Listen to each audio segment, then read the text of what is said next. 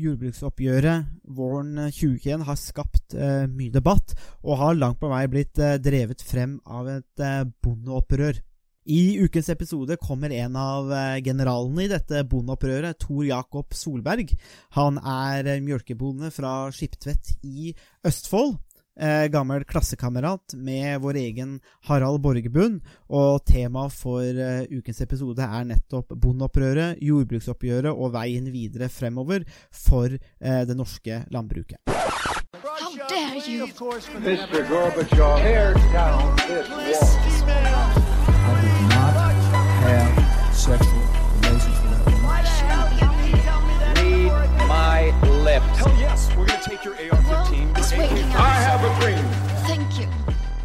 Velkommen til en ny eh, episode av eh, Statsvitenskap og sånt. Og i dag så har vi eh, beveget oss over til, til landbruk igjen for vår andre landbrukshalvtime, Harald. Det er du Ja, fornøyd med? endelig. Jeg er kjempefornøyd. Det er jo eh, 17. mai og julaften samtidig, det. Ja, du er jo, du er jo altså eh, statsvitenskap og sånns eh, landbruksspesialist. ekspert. Ja, ja, ja. I hvert fall forhenværende, forhenværende bonde, om ikke annet. Du er jo, du er jo forhenværende bonde. Men eh, landbruks... Eh, jordbruksavtalen, jordbruksoppgjøret, er noe som er framme nå i media. Man leser om det stadig vekk. Man ser eh, i Dagsrevyen eh, sinte bønder som, har, eh, det, som demonstrerer. Og på Facebook så ser man jo mange med profilbilder og dette med, med bondeopprøret. Eh, så her skjer det tydeligvis ting i norsk landbruk. Og dette handler jo da om statsvitenskap og sånt, eh, bokstavelig talt. Og vi har jo snakka mye om dette før, egentlig, eh, Harald. Altså sånn dette med sjølberging og disse tingene som plutselig ble veldig aktuelt da i, eh, i koronapandemien. Eh, og eh, i eh, ukens episode så har vi eh, hentet inn en, en, en bekjent av deg, Harald. For du, du har jo gått på landbruksskole, hvis vi kan si det på den måten. Ja, det stemmer det. Tor Jakob Solberg og jeg vi har jo gått på Tom jordbruksskole sammen. Det er jo eh, så lenge siden at eh, jeg ikke tør å, å si eh, når det var. Ja. Så Men, velkommen til deg, Tor Jakob. Jo, tusen takk for det. Du har jo engasjert deg i nettopp disse diskusjonene og denne debatten. Og det her handler jo om da en det vi kan kalle en næringsavtale mellom staten og bøndene i Norge. Det er det som er tema for denne podkasten, og det som er tema for denne, hva skal jeg si, dette, dette opprøret da, som man nå ser i Norge. Eh, og denne, denne jordbruksavtalen da, er et resultat av forhandlinger mellom staten og bøndenes organisasjoner. Eh, så i statsvitenskapelige terrenget så er vi nå inne på dette gjerne korporative landskapet, da, hvor man forhandler eh, om ressurser og byrder og goder.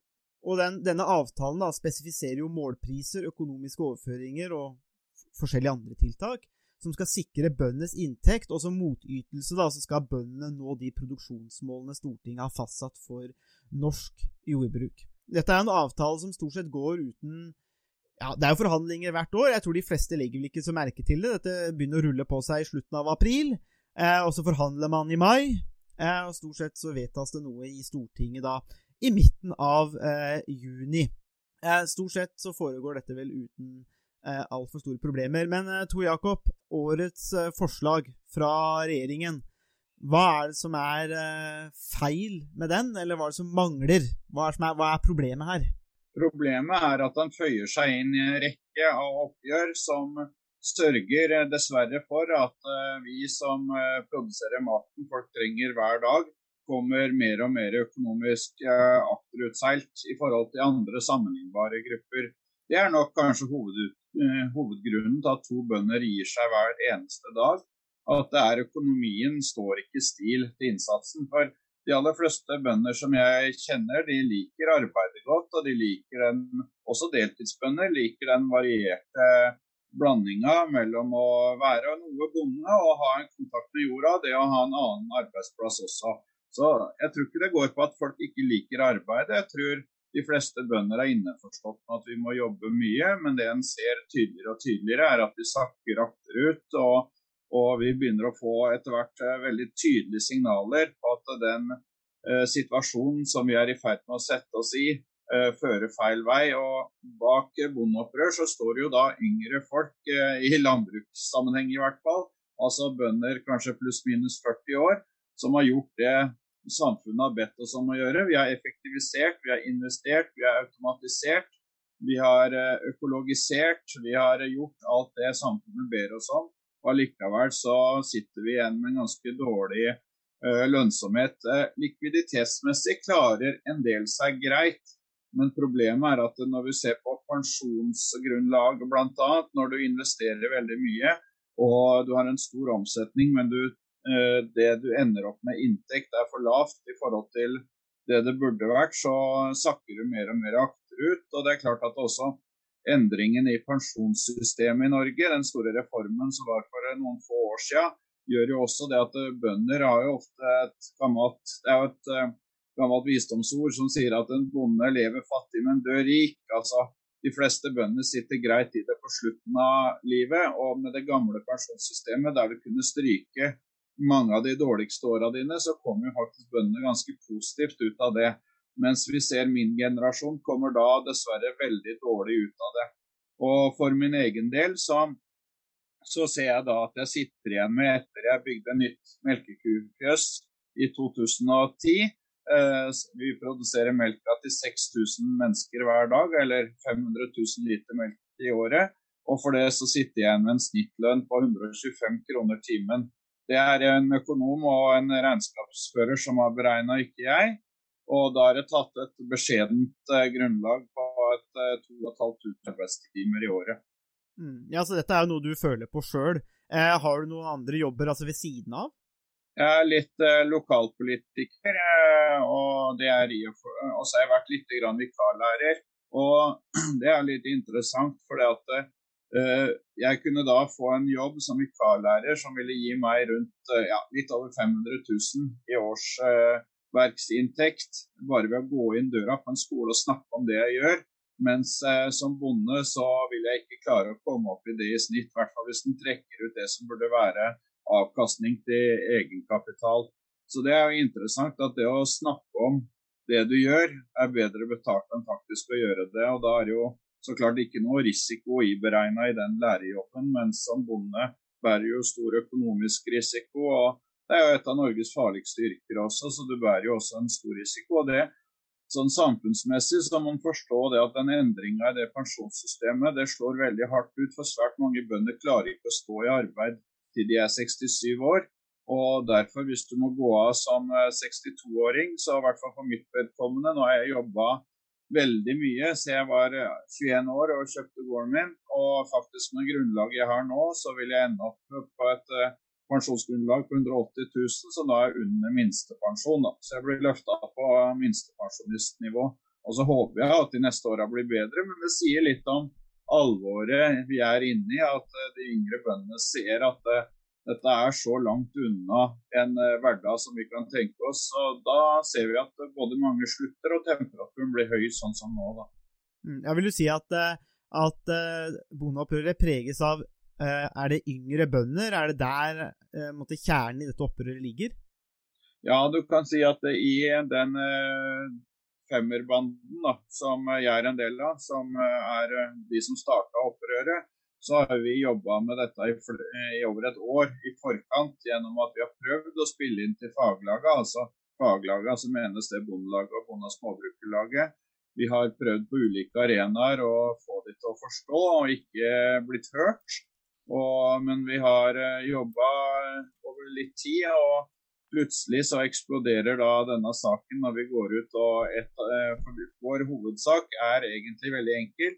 Vi krever at eh, egenkapitalen som vi stiller med i jordbruket, som blir større og større jo større gårdene blir, skal skilles ut og få en verdi, en normal næringslivsavkastning. Vi krever at timeantallet som går med i jordbruket så må vi jobbe 1845 timer for å få et årsverk, mens eh, alle andre yrker er ved 1760. Så vi mener at det er en urettferdighet, og også et par andre veldig viktige poeng. da. Og vi krever også at vi skal da opp på et eh, gjennomsnittsnivå i samfunnet. Uh, og det er, det er, jo rett og slett fordi at vi vet at vi er svært mange bønder som er eh, høykompetente mennesker, og som eh, helt klart eh, ville befinne oss, hvis vi var ansatt et sted, fra midten av samfunnet oppover i forhold til kompetanse. Da, for det er mer og mer kompetansekrevende å drive en større eh, driftsenhet. Og, og, derfor så er det jo naturlig å tenke at eh, de menneskene som klarer det, ligger da fra midten og oppover. Jeg har lyst til å uh, følge opp litt noe av det du var inne på i forhold til, uh, til faglagas rolle, eller spesielt uh, Bondelaget og Småbrukarlaget. Kan du si litt om hva syns du om det arbeidet de har gjort uh, for å bedre lønnsomheten i, i, landbruket? De har nok uh, jobba veldig lenge med det samme, og det er vanskelig kanskje å bli tatt alvorlig. Når du har sagt det samme så mange ganger, så blir det veldig forutsigbart. Og vi i opprøret vi kjente oss ikke igjen i forhold til at de kjente vel eh, De har, de har jo egentlig ikke sagt noe galt, men de har ikke tatt De har egentlig Bondelaget, og uh, spesielt, da, har skrevet under for mange dårlige jordbruksavtaler for oss på rad. Uh, fordi de sannsynligvis ikke har hatt noe annet valg. For det er sånn i jordbruksavtalen at hvis du ikke skriver under en avtale, så ender du opp med statens tilbud. og Det er svært mange bønder som er i en pressa situasjon. og Det fører jo også til stort press på en organisasjon når noen type bønder kanskje hadde fått et etterlengta lite løft, mens andre grupper ikke får det. Da, så får du veldig mye press i organisasjonen. Og Bondelaget har nok skrevet under veldig mange avtaler. og de har når du skriver under en avtale, så erkjenner du de faktiske vilkår og aksepterer de. Og Det er jo egentlig det bondeopprøret handler om. At vi har blitt pressa for langt for lenge. Og I tillegg så er det jo også et par andre momenter, spesielt i forhold til kjedemakt, da, som vi ser har blitt eh, en uh, stor sak, som vi mener samfunnet faktisk har svikta bonden på. da. Så Det er mange ting som slår til sammen, men totalt sett så gjør det at bondeopprøret har fått en enorm oppslutning på kort tid. Og det er vi veldig glad for. Men bondeopprør handler ikke om dette jordbruksoppgjøret, egentlig. Det handler om de strukturelle, langsiktige linjene. Og vi opplever jo at mange politikere er jo ganske landbruksvennlig i uttalelser og i, på sosiale medier, men eh, når det kommer til den reelle handlingen, så blir vi dessverre altfor ofte utfordra. Og så vil jeg si at eh, en annen stor svakhet i det norske samfunnet er faktisk frontfagsmodellen sånn den fremstår i dag. fordi at Den tar jo utgangspunkt i et frontfagsoppgjør der du ender opp med en prosent som eh, resten av lønnsoppgjørene skal holde seg innafor som ramme. Det er klart at Når landbruket henger så langt etter andre grupper, og vi tilbys da en uh, samme prosent, uh, så kan ikke vi akseptere det. Og så blir vi løfta opp på kronemessig lik utvikling som andre, og blir eh, da fremstilt som vinnere. Sånn som statens tilbud i år tilsvarte vel 4,5 eh, som da er en del mer enn andre grupper. Og det er jo ganske eh, utrolig da at du skal bli fremstilt som en vinner når du reelt sett blir stående stille mens resten av samfunnet glir ifra. Det er jo det som faktisk skjer, at eh, alle de som kanskje tjener fra 600 000 og oppover, vil jo gradvis gli ifra. og det er jo det vi snakker, eh, ser også, at det er vel Tyskland og Norge som er av de landene i Europa med størst endringer i forhold til eh, at eh, det blir større endringer i forhold til hva folk tjener i samfunnet. og Hvis du går på YouTube og skal se filmer om hva som er bra i Norge, så står vi med tårer i øya og snakker om det er så små forskjeller på folk, mens vi faktisk fører en politikk som går ganske raskt i motsatt retning. Da. Det er jo interessant, Harald. Vi hadde jo samme utgangspunkt på Tom da, for rundt 20 år siden. Og jeg da sitter her som minstepensjonist og jobba veldig mye. Du har helt sikkert jobba veldig mye og gjort en uh, fremragende jobb på mange måter. Men den differansen mellom utgangspunkt og hvor du havner gjennom å jobbe sikkert kanskje like mye, den har blitt for stor, og da får vi disse tingene. Og det kvitteres også ut med at uh, to bønder gir seg om dagen. Ja, nei, Det er veldig interessant uh, akkurat det der. Jeg, synes, uh, jeg tenkte også å følge opp litt noe av det du var inne på nå i forhold til lønnsomheten. For lønnsomheten i landbruket har jo, så lenge jeg har kunnet huske nærmest, så har det jo har jo lønnsomheten vært ganske eller blitt, Alle har sett på lønnsomheten i landbruket som ganske svak. Og helt siden man begynte med jordbruksforhandlingene i 1950, så har det jo vært et tema å løfte lønnsomheten i landbruket. Og så hadde man jo et uh, slags bondeopprør også på begynnelsen av 70-tallet. Uh, man fikk det såkalte opptrappingsvedtaket i, i, etterkant. Og så var det da noen år hvor man hadde en opptrapping av bevilgningene til, til, landbruket over, over, statsbudsjettet. Og så falt det litt fra hverandre på slutten av 70-tallet og 80-tallet. Så har det vært en har man ikke siden den gangen heller klart å, å bedre lønnsomheten eh, nevneverdig. Eh, så det jeg har lyst til å spørre deg om, er hvorfor har man aldri klart å oppnå en eh, akseptabel lønnsomhet i, i jordbruket?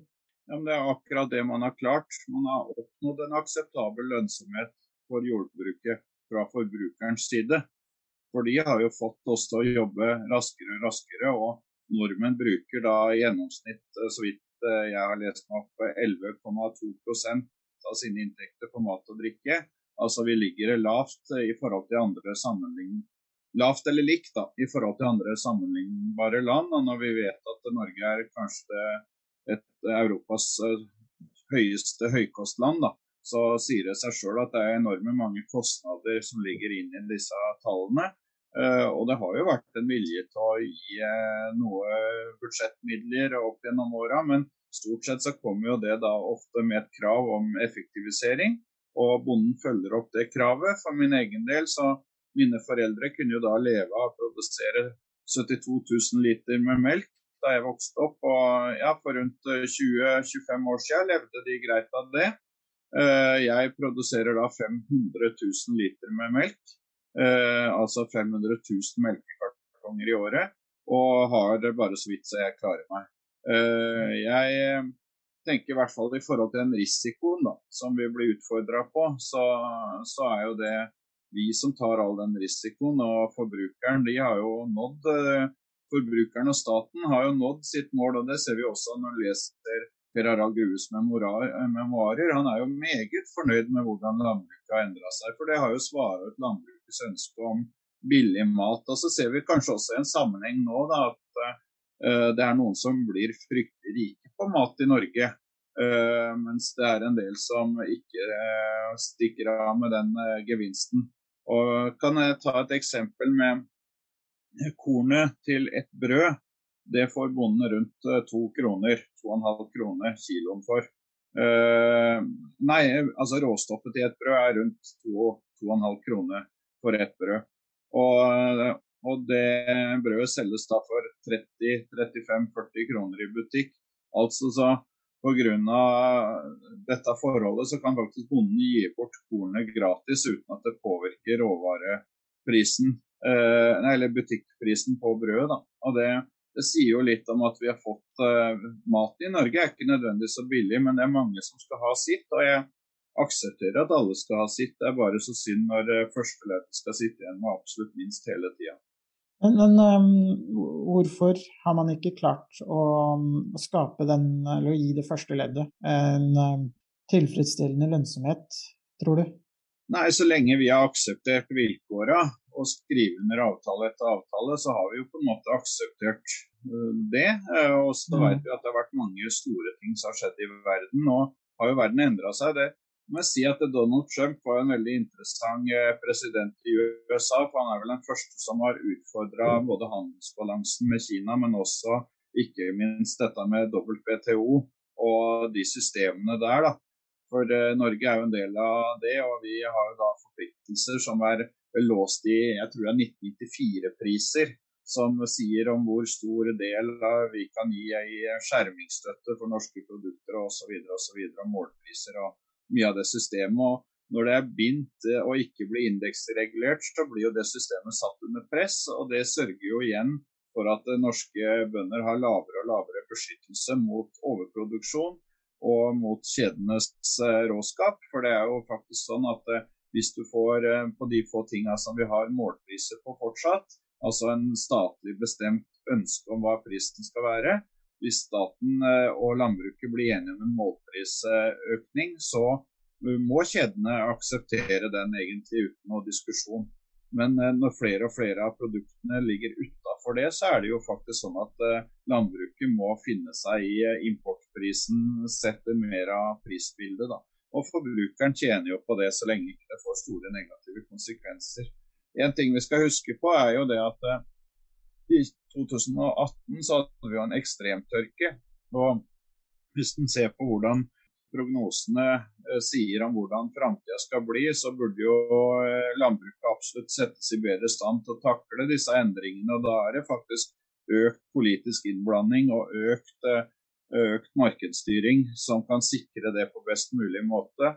I tillegg så har landbruket også skrevet under noe som heter Landbrukets klimaplan, som skal være gjennomført i 2030, som også koster landbrukeren ganske mye penger. og Oppå det igjen så har vi et løsdriftskrav som koster et eller annet sted pluss-minus 20-25 eh, milliarder kroner. Sånn at landbruket skal investere ekstremt mye framover. og Så kan diskutere hvem som er den heldige eller uheldige, men jeg har jo gjort mine investeringer og sitter i dem. Og vi planlegger å kutte ut produksjonen og investere. Problemet er at uh, det grunnleggende økonomien, det brukes ikke grunnleggende økonomiske betraktninger i forhold til å se på lønnsomheten på en utbygging av et typisk fjøs på et litt mindre bruk. Det legges egentlig opp til om du klarer det eller ikke, og da er kona eller mannens ekstrainntekt bl.a. svært viktig i dette. Det er noen forutsetninger som har blitt helt feil. Det skulle jo ikke være noe med saken å si hva din kone eller hva du hadde arva har å si. Det sier noe om at den grunnleggende strukturelle lønnsomheten er for lav, da. Mm.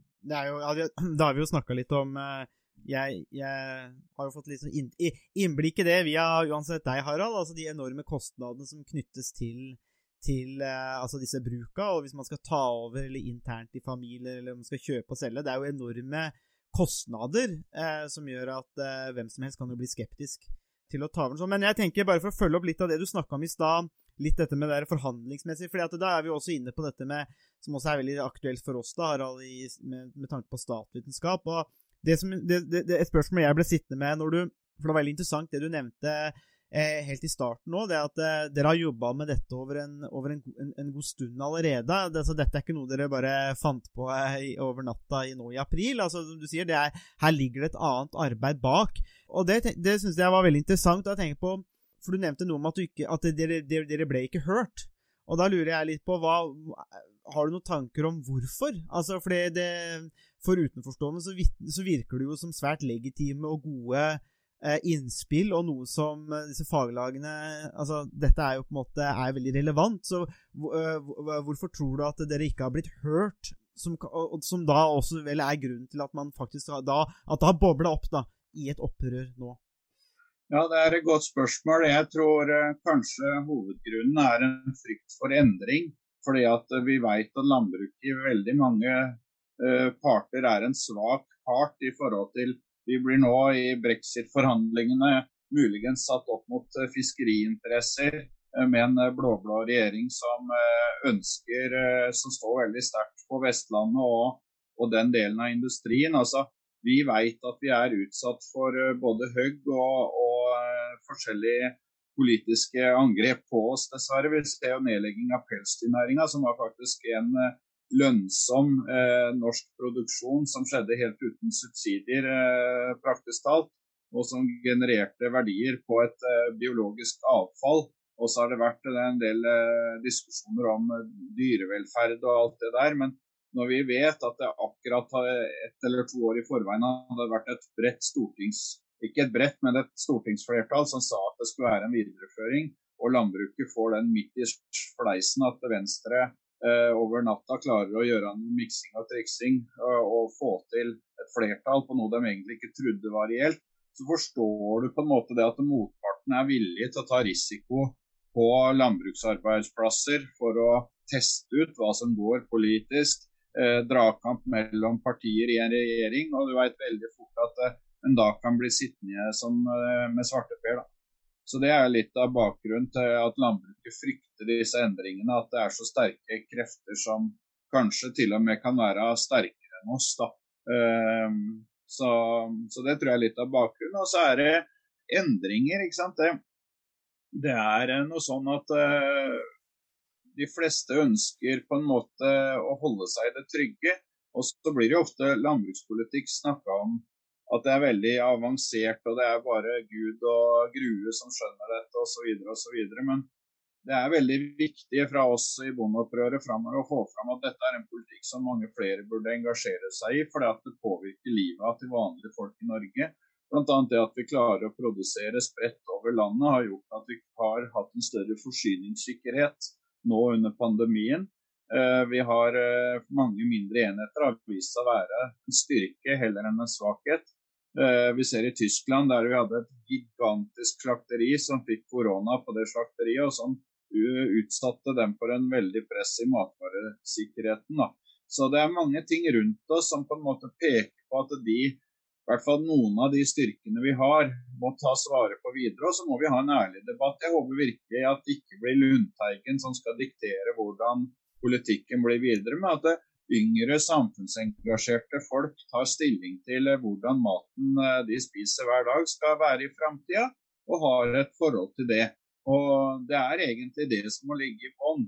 Eh, vi, eh, vi vil levere på det samfunnet ønsker av oss, men per nå så ønsker samfunnet mer av oss enn det de betaler, og da får vi et bondeopprør.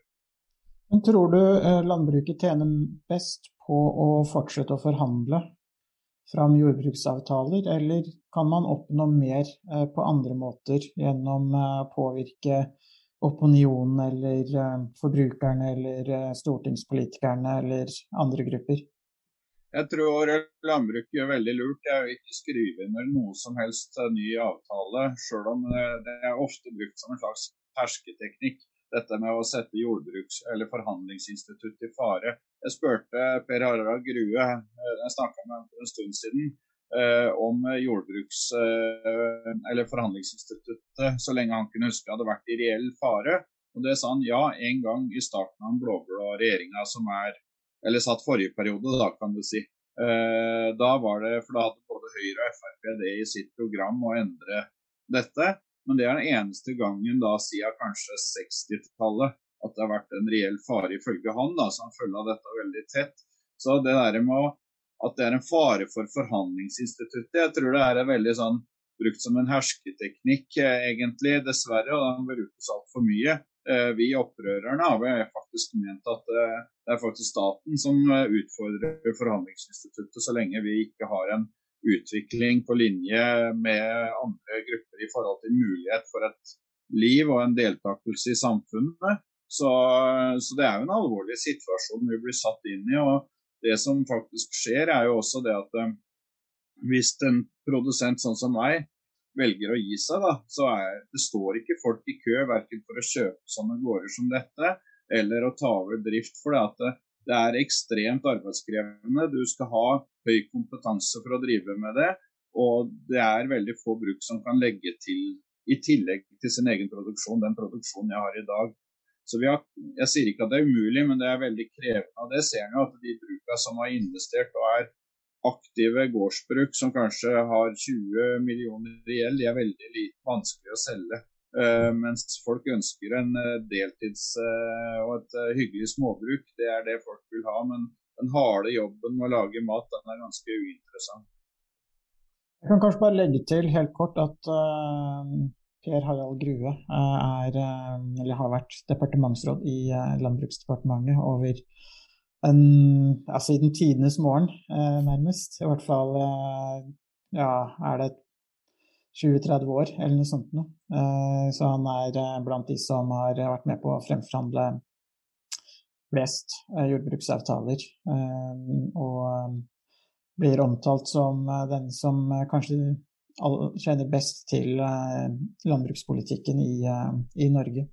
Eller i hvert fall blant de som, som kjenner best til, til landbrukspolitikken. Så tenker du at det vil være mulig å fortsette å forhandle, men at man må vente med å forhandle til man får det man kanskje kan kalles for reelle eller bedre tilbud fra staten? Ja, denne runden i år er jo sluttkjørt. Den går jo til Stortinget. Så det er jo greit. Det tenker videre, er vel det at vi vet ikke hva utfallet av valget til høsten blir.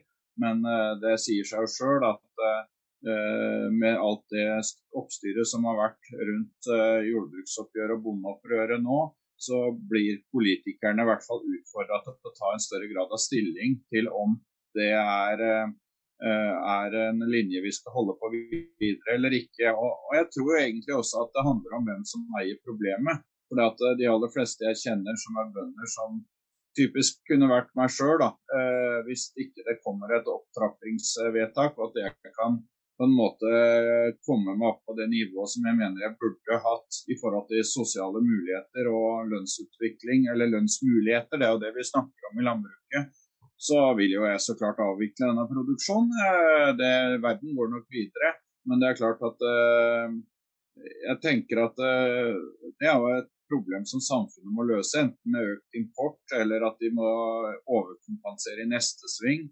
Så jeg tror samfunnet bærer en veldig høy risiko hvis de ikke tar disse signalene på alvor. Og, og det er jo livsverk som legges ned, det er jo ikke noe som du bare har starta en liten nettbutikk. Så det er jo klart at det er stort sett ganske veloverveid vurderinger som ligger bak at folk gir seg.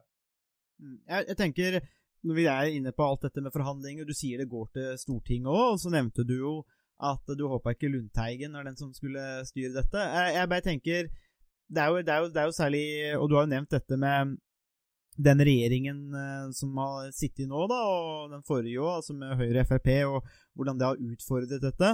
Men dette er jo en trend som da har pågått over lang, lang tid, og eh, selv da med med det vi kanskje kan kalle for bøndenes eget parti, Senterpartiet i regjering i store deler av den perioden, eh, har, har, Senterpartiet, eller Bondepartiet, også svikta det som egentlig er kjernegruppa si der? Altså Føler dere svikta av, av, det politiske partiet som vel oftest har eierskap, i hvert fall, til saken? Eh, føler dere svikta der? En kan i hvert fall ikke si at en uh, kan si helt klart at det er et parti som har alle løsningene på dette her. og og Det er jo det som jeg tenker er styrken. Jeg, jeg elsker jo at vi har en jordbrukspolitikk som er aktiv i Norge. Jeg tenker det er en styrke for forbrukeren i forhold til at eh, forbrukerne og velgerne kan bestemme litt om hvordan maten og Norge skal se ut. Det er en kjempefint system egentlig vi har. og, og vi kan da legge opp til muligheter som er utover det markedet styrer. og det I et eh, land som Norge så tror jeg det er helt riktig. Eh, i forhold til eh, Senterpartiet, så det, tenker jeg at eh, de også trenger en realitetssjekk. Om de har ligget tett nok i forhold til hva bøndene opplever som det reelle. Og så er det stor forskjell på bønder, det må vi huske på. De bøndene som har drevet i mange år og som har opplevd en enorm verdistigning på sine eiendommer, bl.a. annet, de sitter jo, mange av de sitter veldig greit i det. Og det er veldig mange bønder som har gode inntekter, enten å leie ut hus eller å leie ut uh, arbeidskraft eller drive andre firmaer. og Det er jo enda en grunn til bondeopprør er jo at vi ser jo det når vi blir presentert i media som at eh, en gjennomsnittsbonde tjener 714 000. Det er jo en helt usaklig jobb. Det blir som om dere skulle, hvis dere hadde en liten vaskejobb eh, på si, skulle bli presentert at dere tjener 800 000-900 000 på den vaskejobben. Altså, Tull med tall det er jo det som ligger i bunn for eh, jordbruksopprøret. Og det at vi ikke har tillit til budsjettnemndas uh, uh, felles forståelse for tallgrunnlaget. Og det bunner jo egentlig at grunnlaget, altså nivået, er for lavt. For det at den samleposten som heter avkastning til egenkapital og arbeid, som er en fellespost, hadde det nivået der vært høyt nok, så hadde ikke dette vært en sak i hele tatt. Men eh, pga. det nivået ligger reelt sett altfor lavt. Og hvis du trekker fra en avkastning på egenkapital som burde kanskje eh, forventes til å være minimum 5 da, så ligger bondens eh, faktiske inntekt på pluss-minus 200 000 per årsverk. Og så jobber svært mange av oss to årsverk i hvert fall, eller kanskje mer. Da kommer vi opp på et nivå som gjør at vi klarer oss, men i forhold til arbeidsmengden, i forhold til slitasjen på oss sjøl og familie, så er jo dette en dårlig deal. Og det ser en jo også, at det er jo svært mange yngre mennesker som vil inn i landbruket, for de ser matproduksjon blir viktig i framtida. Men uh, i forhold til dagens lønnsomhet, så, så syns jeg det er en veldig høy risiko å gå inn i næringa som det er nå. Og så har jo for mye av politikken også kretsa rundt at eh, Og det kan man kanskje Bondelaget tåle litt uh, kritikk på. At de for mange ting, særlig rundt melkekvoter, har kretsa rundt å kjøpe ut eksisterende produsenter og gjøre det behagelig for folk å gå ut. Og kvoter har jo blitt et verdipapir du kan tjene penger på, i stedet for et verktøy for å regulere en nasjonale melkeproduksjon. Så faktisk i dag da, så kan jeg leie ut min melkekvote for 600 000 i året. Eh, det syns jeg er ganske tragisk å tenke på. at eh, Egentlig så har vi et system som belønner den passive og straffer den aktive. Da, fordi at eh, jeg ville jo da, hvis jeg slutta som bonde og leide ut melkeproduksjonskvota mi, og fortsetter å leie ut jorda, eller leier ut jorda, leier ut bygningene, så vil jeg kanskje ha en rundt en 800 000 i leieinntekter i året, pluss min lønn på si 500 600 000, da vil jeg jo sette vesentlig bedre i det da, enn det jeg gjør i dag. Og Det er jo liksom det som er kanskje litt av det som ligger bak bondeopprør. At det, hele dealen har blitt for dårlig, og i hvert fall i forhold til at vi tar en større risiko enn noen gang. Mm. Ja, jeg tenker jo Jeg bare oppsummere litt der vi, før vi kanskje Eh, går litt videre med de siste poengene nå. Jeg, jeg, jeg, tenker Det som er litt interessant her, eh, Harald, er jo også på en måte hvordan dette, tenker jeg, da, illustrerer veldig godt eh, noen av de klassiske konfliktlinjene i, i, norsk politikk. Altså Man har jo snakket om sentrum-periferi og Stein Rokkans mest kjente konfliktlinje. Men han introduserte jo noen nye konfliktlinjer. altså I det systemet, norske politiske systemet kom i ubalanse, og det ble introdusert noen nye da. Arbeidsmarkedet, særlig via Arbeiderpartiet og arbeiderbevegelsen på 1900-tallet, men også varemarkedet, som han introduserer som konfliktlinje av 1915. Eh, som er på en måte eh, den spede starten eh, i, i, Indre Østlandet da, til, eh, til Senterpartiet, eller Bondepartiet, da, litt sen, noen år seinere. Eh, og hvordan dette, denne konfliktlinjen da, identifiserte Rokkan på 70-tallet som en en konfliktlinje som er reell i Norge, dette med varemarked. Og Det er litt det vi hø hører her òg, og som kommer veldig klart fram tenker jeg, i dette bondeopprøret òg. At eh, her har vi en konfliktlinje som nettopp går nettopp på dette med varemarked. ikke sant? Hvor mye er uh, på en måte bondens tid og innsats verdt? Hvor mye er produktene verdt, og hvordan foredles det? Eh, og så tenker jeg at det går inn på noe som er litt komplisert her òg, kanskje. Og det er jo litt dette med den der lønnsomheten Eh, og det har jo også du skrevet og snakket mer om, Harald. Eh, dette med lønnsomhet. Jeg tenker jo umiddelbart at eh, med en gang vi begynner å snakke om omfordeling, så begynner vi å snakke om konflikter. For da skal man jo begynne å omfordele mellom ulike grupper i samfunnet. Noen må ta eh, for at andre skal få, med mindre vi tar en litt sånn Frp-taktikk da, og bare bruker av oljefondet. Men eh, fører man en, noe som helst form for ansvarlig økonomisk politikk, så må det omfordeles. Eh, og der er jo kanskje også der man også havner i konflikt, da. Og også igjen der Rokkan er inne på dette med hvordan Hva har man å forhandle med?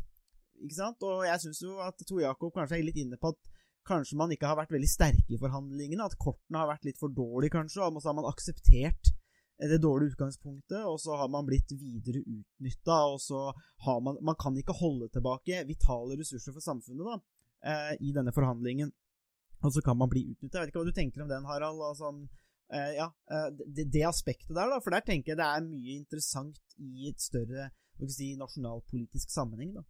Ja, jeg, jeg, tror det der er veldig viktig. og det, eh, det, det, som er noe av utfordringen med å forhandle med staten, er jo at man skriver under en avtale hvor man også er med på å iverksette den, den politikken som, som blir bestemt. Så man blir en del av eh, løsningen eller en del av problemet eh, samtidig. Litt avhengig av hvordan man, eh, man ser det. Og der, er, der er, står jo Bondelaget, eller både Bondelaget og Småbrukarlaget, i og for seg i en, en vanskelig situasjon når de, når de både øh, ønsker å være med på å utforme landbrukspolitikken. For i utgangspunktet så er det jo Stortinget som utformer politikken på de aller fleste områdene i, eh, i, Norge. Og landbruket er til en viss grad i en, en litt særstilling der hvor de i kanskje større grad enn mange andre næringer også er med på å, å utforme rammebetingelsene. Så man blir både ansvarlig for man, eh, den politikken som, som føres, og det er, det er, jo kanskje også noe av det som Tor Jakob har vært inne på, med den frustrasjonen som mange, mange opplever. Eh, og så er det det som Tor Jakob så vidt var inne på også, som jeg som er litt interessant, det er at uh, selv om man snakker om landbruket som én næring, så er det jo mange ulike produksjoner eh, i mange ulike deler av eh, landet. Og det kan jo også være motstridende interesser mellom de ulike eh, gruppene også. Eh, kornbøndene vil jo gjerne ha en høy kornpris, men mye av det kornet skal jo bli brukt eh, som kraftfôr av andre husdyrprodusenter. Som ønsker en, en lavere kraftfôrpris. Så innad i landbruket også så finnes det motsetninger. Og så har man forsøkt å, å etablere et system som så godt det lar seg gjøre, på en måte forsøker å løse de, eh, de spenningene som, eh, som kan, eh, kan oppstå. Så langt så har jo i og for seg landbruket som næring stått relativt eh, samla. Hvor, hvor det ikke har vært veldig store spenninger eller eh, konfliktlinjer mellom eh, ulike regioner og ulike produksjoner. Men det er jo også noe som kan, kan utfordres litt. Det som, men det som kanskje er et eh, litt sånn grunnleggende litt um, Noe av det som er uh, Som også kan være det som gjør det vanskelig å finne en, uh, en løsning på hvordan man skal skape en tilfredsstillende lønnsomhet i landbruket, er jo også det at, uh, som du var inne på litt, litt tidligere, Sondre, det med at det er ulike grupper som står mot hverandre. Og det er Hvis man bruker mer penger på landbruket, så kan det bety at man, man må bruke mindre penger på andre grupper. Eh, og det det kanskje kommer ned til til syvende og sist, det er jo i hvilken grad landbruket er en gruppe som, eh, som har større trekker flere velgere enn eh, andre grupper. Det som var fordelen med landbruket tidligere, var at det var en ganske stor velgergruppe. I dag med færre bruk og også større urbanisering, eh, hvor distriktene utgjør en, en relativt sett mindre andel, så er det også mer utfordrende eh, å, å bruke mer penger på, um, på landbruket. Fordi politikerne vil få mer igjen ved å prioritere andre grupper, muligens. Jeg vet ikke hva du tenker om det, det Tor Jakob, hvordan den, den kampen om lønnsomheten i et litt sånn eh, større perspektiv, altså hva er gjennomslagsmulighetene til, til landbruket når man må prioritere mellom landbruk og andre grupper som også har, eh, har behov for omfordeling, eller eh, som man kan bruke penger på. Det som jeg tenker en del på, er at Norge bruker egentlig en ganske stabil og svakt synkende del av, av statsbudsjettet på jordbruk.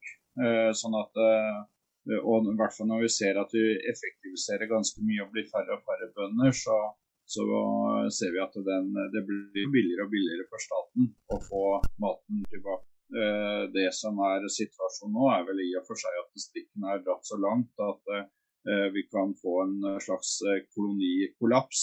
Altså, folk er bekymra for biedød. Det er jo egentlig det som faktisk kommer til å skje nå. Hvis ikke det blir en opptrapping nå, så vil vi se en slags eh, kolonikollaps av bondestand, der eh, svært mange faller fra.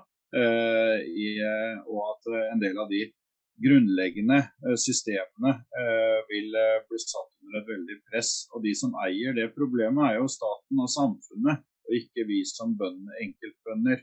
For med en gang vi finner oss en annen jobb, så eller et, Det er jo det som er så betegnende. altså Gjennom å ha investert kanskje over 15 millioner da, eh, på å være en langsiktig matprodusent, så kan jeg faktisk velge meg hvem som helst jobb i samfunnet og gå opp i lønn det er ganske eh, betegnende altså, for situasjonen.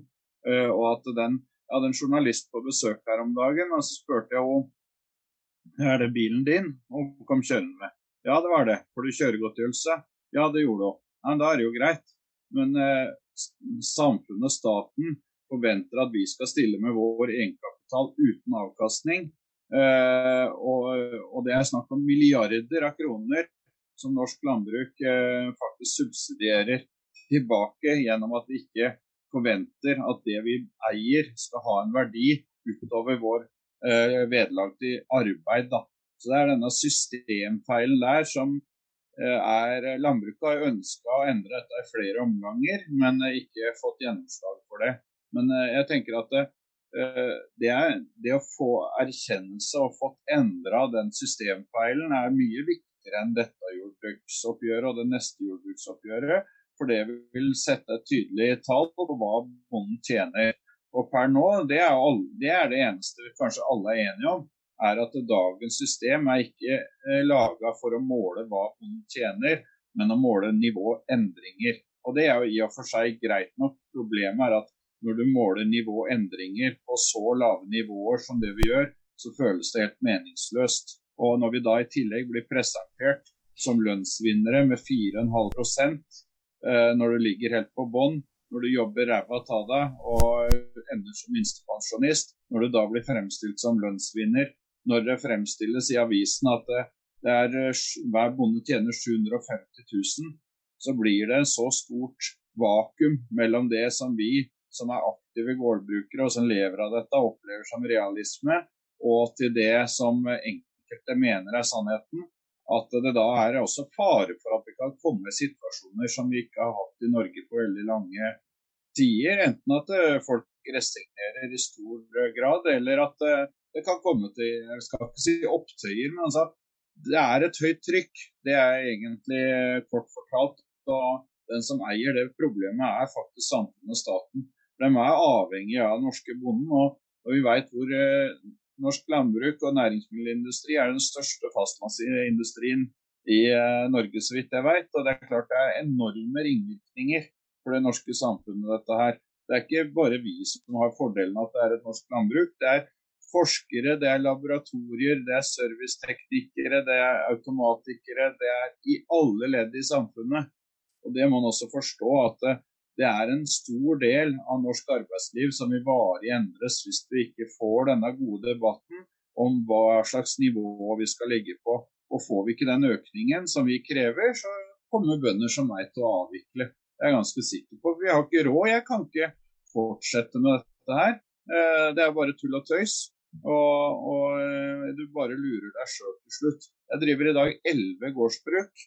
Eh, og jeg har ansvar for én til to ansatte hele tida. Jeg har bakvakt for uh, melkeroboten og gårdsskift av dyr hele døgnet. Og rett og slett, samfunnet har strekt strikken for langt, og nå er den ryket, og det må den forholde seg til. Og i forhold til endringer ellers i samfunnet, så ser vi at altså, forsvarsbudsjettet har jo blitt økt ganske mye de senere åra. Det er jo fordi vi går inn i en uh, usikker tid. Uh, og på samme måte så tenker jeg at det er høyt legitimt å sikre at Norge skal ha en matvaresikkerhet. Da. Uh, så det blir litt andre prioriteringer. Og hvis samfunnet vil, hvis vi ikke vil, så, uh, så, så, er det et svar. Da gir vi oss. Det er ikke mer komplisert enn det. Verden går helt sikkert videre. Det er sikkert noen i Polen eller andre land som kan ta den verdiskapninga, og en lastebilsjåfør som kjører til en norsk butikk. Men det er et alvorlig angrep på samfunnsstrukturen. og og hvordan Norge ser ut. Og, og, eh, det er egentlig ikke et rop om hjelp, men et rop om å bli forstått. Hva, og at samfunnet må forstå at de tinga som må svares ut nå, hvis de ikke blir fulgt opp, så, så, er det noe de ikke klarer å bygge opp igjen. Det er en varig mulighet som er borte, og det er alvorlig. Ja, det er jo, det er jo ikke Det er jo alvorlig hvis mange gir seg. Er, de står jo ikke i kø til å ta over akkurat. Eh, etterpå, så det er en kompetanse som sikkert er vanskelig å bygge opp igjen nå. I hvert fall ikke det helt enkleste. Men eh, vi har jo, det har jo blitt en, en solid eh, podkast eh, allerede. Eh, det er jo viktig å bruke nok tid egentlig på å svare på det her. Det er bedre det enn, at man står og skriker over seg i debatten eller andre programmer eh, med ressurser. Det er fint å grave litt i materien, syns jeg, fordi vi får jo fram veldig gode poenger her. Og nettopp dette som jeg syns du også illustrerer veldig godt, uh, Tor Jakob, er nettopp dette med altså, prioriteringer, ressurskonflikter. Politikk handler om hvem som får hva, når og hvor.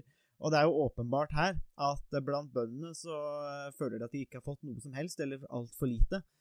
Um, og de krever endringer nå. Det tenker jeg er, er fantastisk interessant og relevant. Og så tenker jeg vi kan avslutte med en liten brannfakkel fra eh, din gamle, gamle kollega eh, og, og, studievenn, eh, Mr. Borgerbund.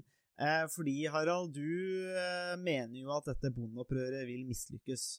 Eh, I hvert fall mest sannsynlig, da. Eh, Ja. i, god stat, I god statsvitenskapelig ånd så tar du noen forbehold. Mest sannsynlig vil det mislykkes. Men, Ja, men jeg tenker vi kan avslutte med en, kort diskusjon om dette.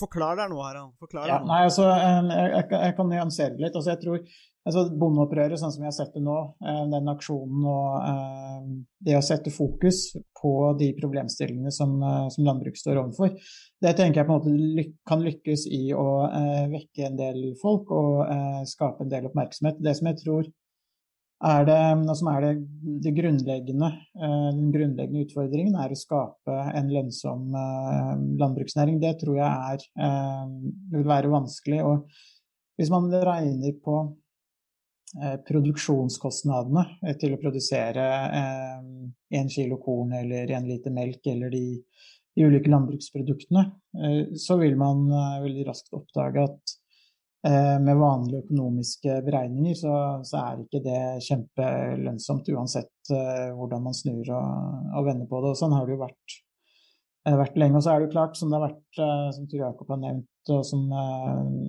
det har vært skrevet om eh, i media også, så gjennomsnittsinntekten til en bonde er jo i og for seg akseptabel eh, hvis man legger 700 000 til grunn, men så er det det med at da har man inkludert lønnsinntekt og andre andre inntekter som man har eh, ved siden av, som ikke er direkte relatert til, eh, til landbruksdrifta. Men det som jeg tenker er utfordringen, og som gjør at jeg gjør meg egentlig betenkt på landbrukets vegne også, er at det jeg tror vil være den store utfordringen, er nettopp å skape en akseptabel lønnsomhet i, i primærproduksjon.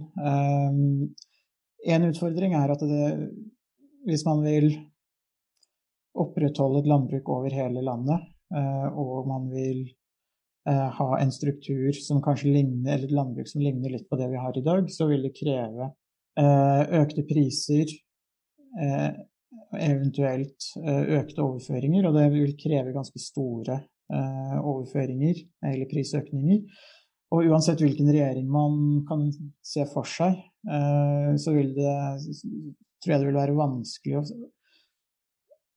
å finne en regjering som er villig til å bruke mange milliarder på, på, landbruket. Det er mange andre gode formål som landbruket konkurrerer om. Jeg tror når SV f.eks., hvis de kommer i en ny rød-grønn regjering, så vil de prioritere andre grupper enn en landbruket. De vil alltid si at de støtter landbruket, men de vil ikke prioritere det. Jeg tror Senterpartiet også vil komme til kort i, i praktisk politikk.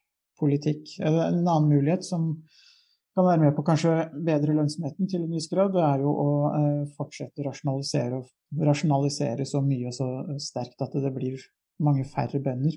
Men det er også en, et valg som det ikke ser ut til at det er verken politisk vilje eller ønske om å gjøre, og det er heller ikke et, et alternativ som landbruket er, har lyst til å, å iverksette. Så det som er kanskje to hovedalternativer, da, er eh, enten å rasjonalisere eller å øke eh, bevilgningene, enten gjennom priser eller tilskudd. Jeg tror ikke det ser ut som noen av de hovedalternativene har mulighet til å, til å få gjennomslag, og da vil man være litt stuck i den situasjonen vi er i dag, uten at man klarer å, å løfte lønnsomheten, som det i og for seg er et, et behov for i, i, landbruket, og som det på mange måter er ganske stor enighet om både innenfor og utenfor for landbruket, at lønnsomheten er svak. Så det er egentlig det som, som, som er mine tanker rundt situasjonen i landbruket. Også, du ser betenkt ut, Tor Jakob. Det, det, det, gikk, det, gikk, ikke Eller hva, hva, tenker du om de, de vurderingene fra, fra Harald? Nei, han har jo helt rett, så klart. For det blir vanskelig. Men han sier ikke at det er umulig. Og hvis du spør de siste seks, sju, åtte, ti forsvarssjefene om det er mulig å øke forsvarsbudsjettet, så er det de fleste av de første av de hadde sagt nei, det er helt umulig. Vi står og stanger i veggen. Forsvaret får ikke midler. Og så blir det plutselig et par-tre ting som endrer seg i verden, og så får Forsvaret plutselig dobla bevilgningene sine nesten over noen få år, og nå snart har for mye penger i forhold til at de veit hvordan de kan bruke det riktig. Og Det er jo det dette handler om, at vi krever en femårs opptrapping Og da trenger vi ikke bare penger, vi trenger systemer som sikrer at pengene blir brukt riktig. Det er jo det som har vært den store systemsvikten fra egentlig alle partiene. At de har erkjent at eh, systemene skal bygges ned i stedet for å utvikles i god nok grad. Og det har dessverre ført oss eh, dit vi er i dag. Men jeg tror det kan bygges opp igjen, og jeg tror det kan utvikles. Men det må på en måte en erkjennelse fra samfunnet at vi vil ha norsk matproduksjon. Og eh, hvis ikke den kommer, så har vi det ikke det. Det er ikke verre enn det. Noe matproduksjon vil det alltid være, men det vil bli en varig endring nå, som vi ikke vil se. Og særlig i forhold til det i forhold til klimaendringene også, så tenker jeg at ja, det som ofte blir dratt fram da, som en av de store truslene framover. Og den trusselen kan jo faktisk bare møtes på én måte, og det er aktiv politikk. Og det er det dette handler om. Mm. Ja, det er jo det er, jeg, jeg, har tenkt på det en del ganger sjøl hvis jeg har vært ute og flydd, at uh, jeg sliter med å se fascinasjonen for å fly for 299 kroner, fordi at du skal jo opp i en sylinder som drives av motor og drivstoff, og dette skal jo være sikkert, så det krever vedlikehold. Uh, du skal gjerne ha noen som fører dette flyet, uh, styrer det og tar det imot. Og kreve at 299 kroner eventuelt skal prøve å begynne å gå noen vei til å dekke akkurat de tinga, det virker jo litt urimelig. Eh, selv om du da fyller et fly med 50 personer, f.eks., så er jo Det er noe med sammenhengen her, da. Eh, og det samme gjelder vel kanskje også noen ganger til, når det kommer til matvareproduksjon òg. At, eh, at eh, på et tidspunkt så føler, kanskje, føler man kanskje at det, det, er ikke så gjevt å betale minst mulig for maten. For man vil jo gjerne at det skal være produsert på en viss måte, følge visse standarder, eh, ha en kvalitet. Eh, og at andre skal faktisk leve av det. Eh, og det, det, tenker jeg at eh, det virker jo som et rimelig krav. Og så får vi se eh, hva som skjer. Jeg, jeg, tenker jo kanskje at eh, det der med å reise bevisstheten er jo kanskje det man, det, det man kan oppnå mest med, som du sier. Altså, politikken endres jo. Eh, og jeg er jo sikker på at landbruket hadde brukt pengene mye bedre enn Forsvaret. Det er jo å kaste penger i do, eh, som er min profesjonelle vurdering. Så jeg ser heller mer penger til landbruket enn Forsvaret. De skal vel antakelig bare bygge noen nye anlegg og legge det ned. før de flytter baser til andre steder av landet. Eh, men uansett, dette handler jo om grupper som kjemper om, eh, om, om altså prioriteringer, byrder og goder, fordelingen av disse. Eh, og jeg tror vi har fått fram et eh, ganske gode poenger her eh, om, om, om, dette med landbruket. En siste kommentar, Harald, til, til, til akkurat denne saken før vi, før vi takker Tor Jakob og slår av podkasten. Ja, jeg kan kanskje bare følge opp en ting som Tor Jakob var inne på, nemlig det, det han sa om forsvarsbudsjettene, som, som, har økt ganske kraftig over en kort, kort periode. og det han er inne på da, er jo egentlig betydningen av at det må komme noen eksterne sjokk, eller noen kriser, eller noen større endringer som, som, kan være med på å eventuelt gjøre at man man får en annen landbrukspolitikk. Om det er det ene eller det andre, det er det vanskelig å spekulere i. Men sånn som det ser ut i dag, så, så tror jeg at Jakob har, har, et godt poeng at det må kanskje et eksternt sjokk eller noe tilsvarende til for å, um, for å skape en, en annen landbrukspolitikk enn det vi ser i dag.